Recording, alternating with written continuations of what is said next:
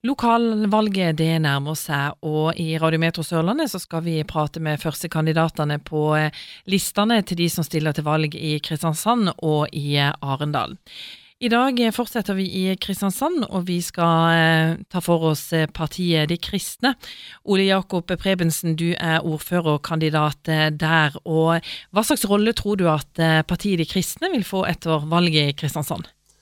Ja, vi ligger jo an til å få en, en representant, muligens to, i beste fall tre. Eh, vi er jo et klart borgerlig alternativ.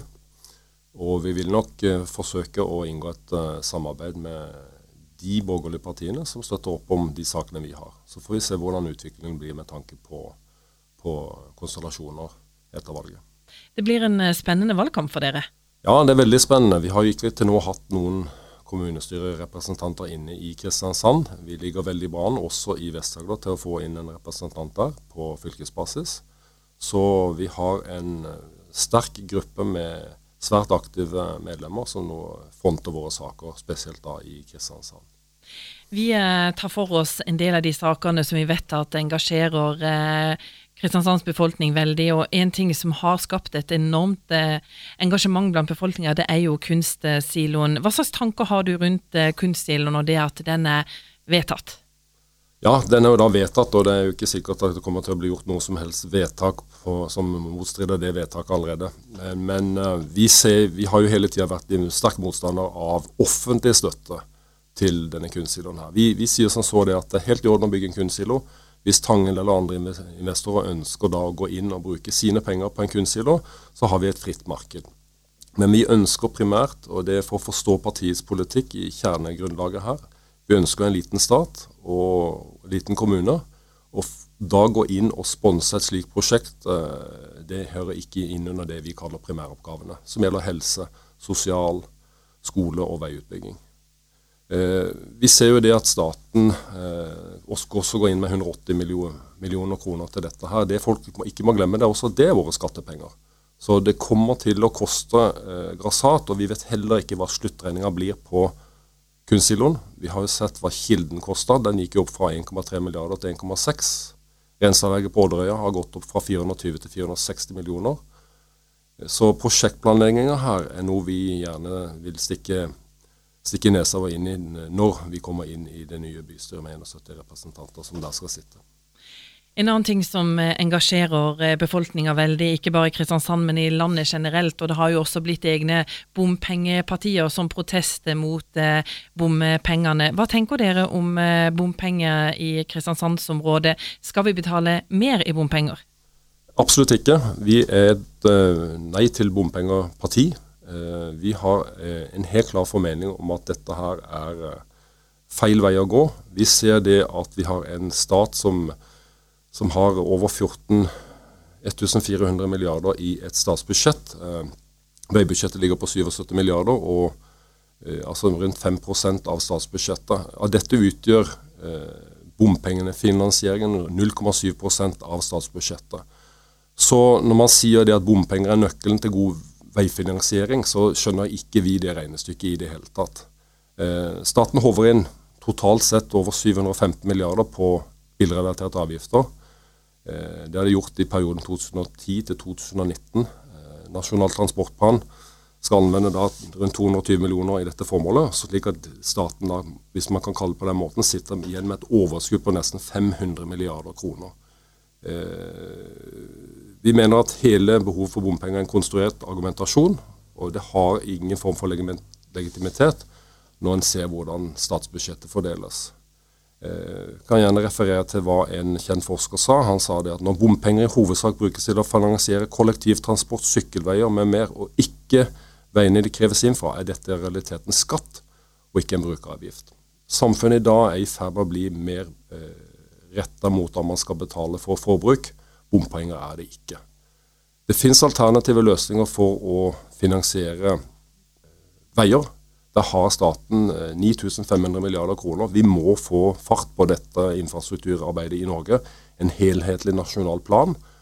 Uten at vi gjør det, så sitter vi fortsatt og klatrer rundt og lager små veier og små veistubber på både på E39 og E18. Og, og selv om noen nye veier har kommet ganske langt, så har vi en kraftig vei å gå før vi er i mål med, med veiutbygging. Og sykkelstier, for den saks skyld. Er det sånn at dere ønsker eh, mer satsing på veier eller kollektivtransport, eller er det sånn begge deler? Ja, Da kan jeg egentlig si ja takk, begge deler. Vi ser det at det med infrastruktur, en nasjonal transportplan som virkelig omfatter hvordan eh, veistandarden, jernbane, kollektivtrafikk skal skje eh, mellom store byer.